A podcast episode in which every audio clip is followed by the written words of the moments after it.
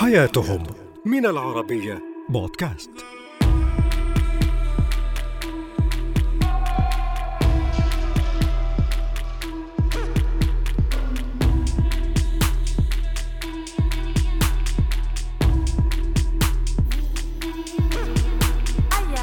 مرحبا أنا رفيدة ياسين وهذه هي حياتهم على العربية بودكاست.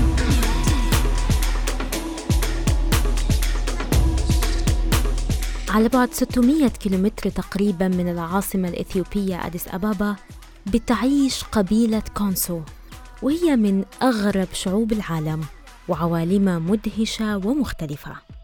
قرية كونسو في جنوب إثيوبيا من أهم المناطق السياحية في جنوب البلاد وسجلت ضمن المعالم السياحية الأثرية على مستوى العالم وفق منظمة اليونسكو.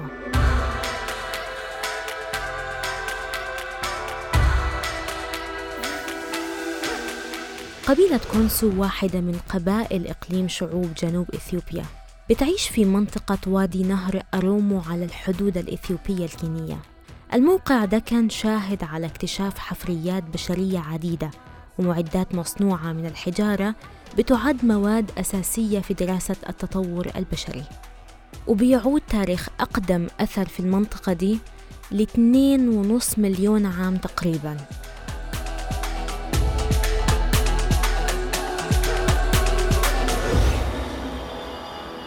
بينقسم شعب الكونسو إلى تسع قبائل مختلفة. كل قبيلة عندها زعيم خاص أو واقة حسب ما بيسموه بلغتهم. وللكونسو عادات غريبة منها إنه إذا مات الزعيم بيتم الاحتفاظ بجثته لتسع سنوات وتسع شهور وتسع أيام وتسع ساعات داخل الكوخ اللي عاش فيه طوال عمره. لاعتقادهم إنه خلال الفترة دي بتصعد روح الزعيم إلى السماء. وفي بيت كل زعيم كوخ خاص للاحتفاظ بجثته عن وفاته. ولما بيموت الزعيم بتكون مهمة الأطباء الشعبيين استخراج أعضائه الداخلية وغسل جثته كل يوم بوصفات شعبية محلية لحفظ جسده.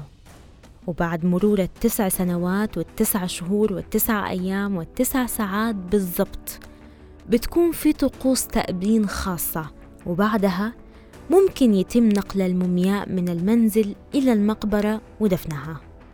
وده بيكون الوقت المناسب لتتويج زعيم جديد وفي العادة بيتم اختيار أول ابن للزعيم لخلافته.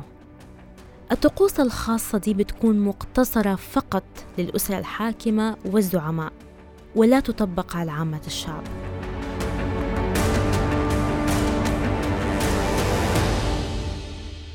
من عادات قبيلة الكونسو إنهم بيهتموا بتخليد ذكرى الأبطال وبيقوموا بوضع تماثيل كشواهد للقبور تكريما للأبطال اللي قاموا بأعمال بطولية وشجاعة كان فيها حماية لأفراد القبيلة أو للأسرة. أبرز معلم في قرية كونسو عمود عملاق بيسمى بعمود الأجيال وفي لغتهم بيسمى أولوهيتا. كل 18 سنة تقريبا بيضيفوا عمود جديد للعمود القديم. وده بيساعدهم لمعرفة عمر القرية ومعرفة تاريخها.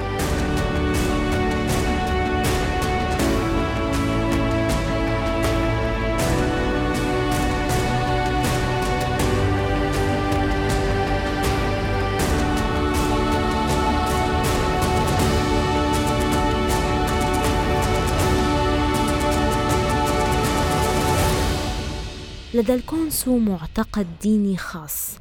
إنهم بيؤمنوا بإله الجنة وبيسموه واكا. وواكا هو إله السماء بالنسبة لهم. إذا مرت القرية بمشاكل أو فترة جفاف أو انعدم الأمن مثلا كبار السن في القرية بيتجمعوا في ساحة كبيرة ويقدموا قرابين من الحيوانات للتواصل مع آلهتهم وبيطلبوا منها الأمان والمطر والخير.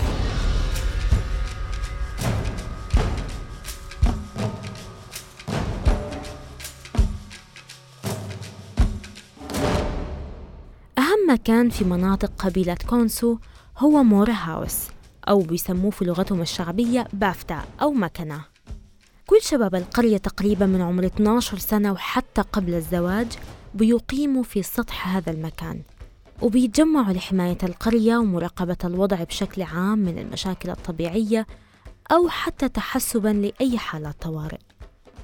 المكان ده بيستخدم جزء منه كسكن للضيوف والضيف عندهم بيسكن مجانا كنوع من أنواع الكرم والاستضافة.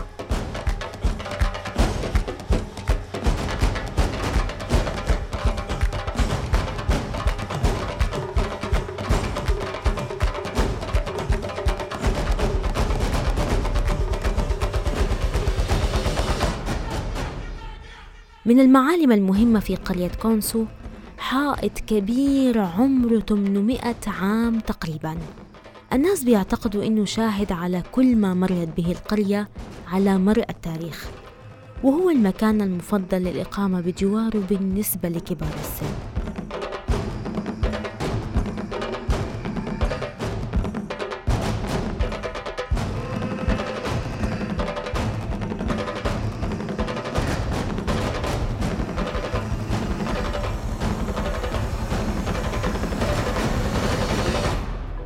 اختبار الرجولة ووصول مرحلة البلوغ في القرية بيكون بحمل حجر ثقيل بيصل وزنه لعشرات الكيلوغرامات بيسمى حجر النضوج.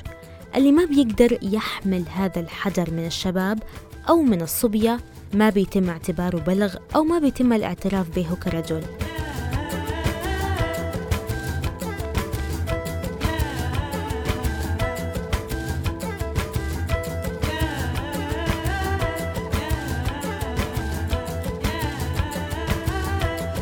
بيعتمد أفراد القبيلة في حياتهم اليومية على الزراعة البدائية والرعي بالإضافة لتربية النحل بطرق متواضعة.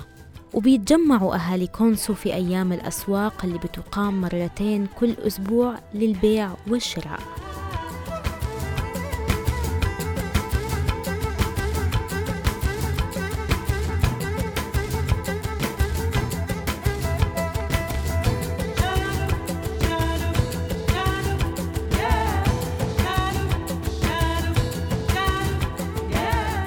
بتحسب كونسو من القبائل الإثيوبية المقاتلة اللي بتهتم بفنون القتال وهم مشهورين بالشجاعة خاصة إذا حاولت أي جهة معادية الاقتراب من القرية.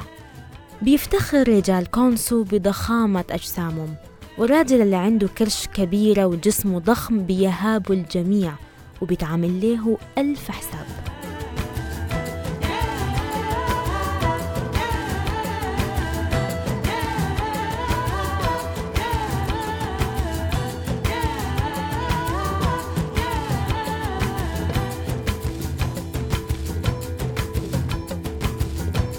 أما نساء القبيلة فبيتزينوا بالحلي المصنوعة من الخرز والنحاس وبيضعوا على شفاهن السفلى قطع مستديرة من الأخشاب لفرد شفاهم وتكبيره وده علامة عندهم على الجمال حسب معتقداتهم.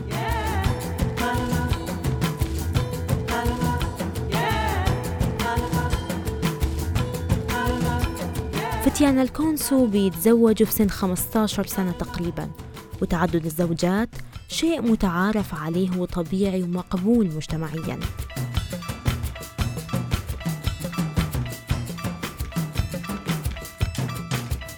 عالم قبيلة كونسو مليء بالغرائب والعجائب بس بتبقى تفاصيله هي واقعهم المعاش والمتعارف عليه والشيء اللي بيميزهم عن غيرهم من القبائل وهو مصدر فخر وإعزاز بالنسبة لأفراد القبيلة. ببساطة لأن هذه هي حياتهم.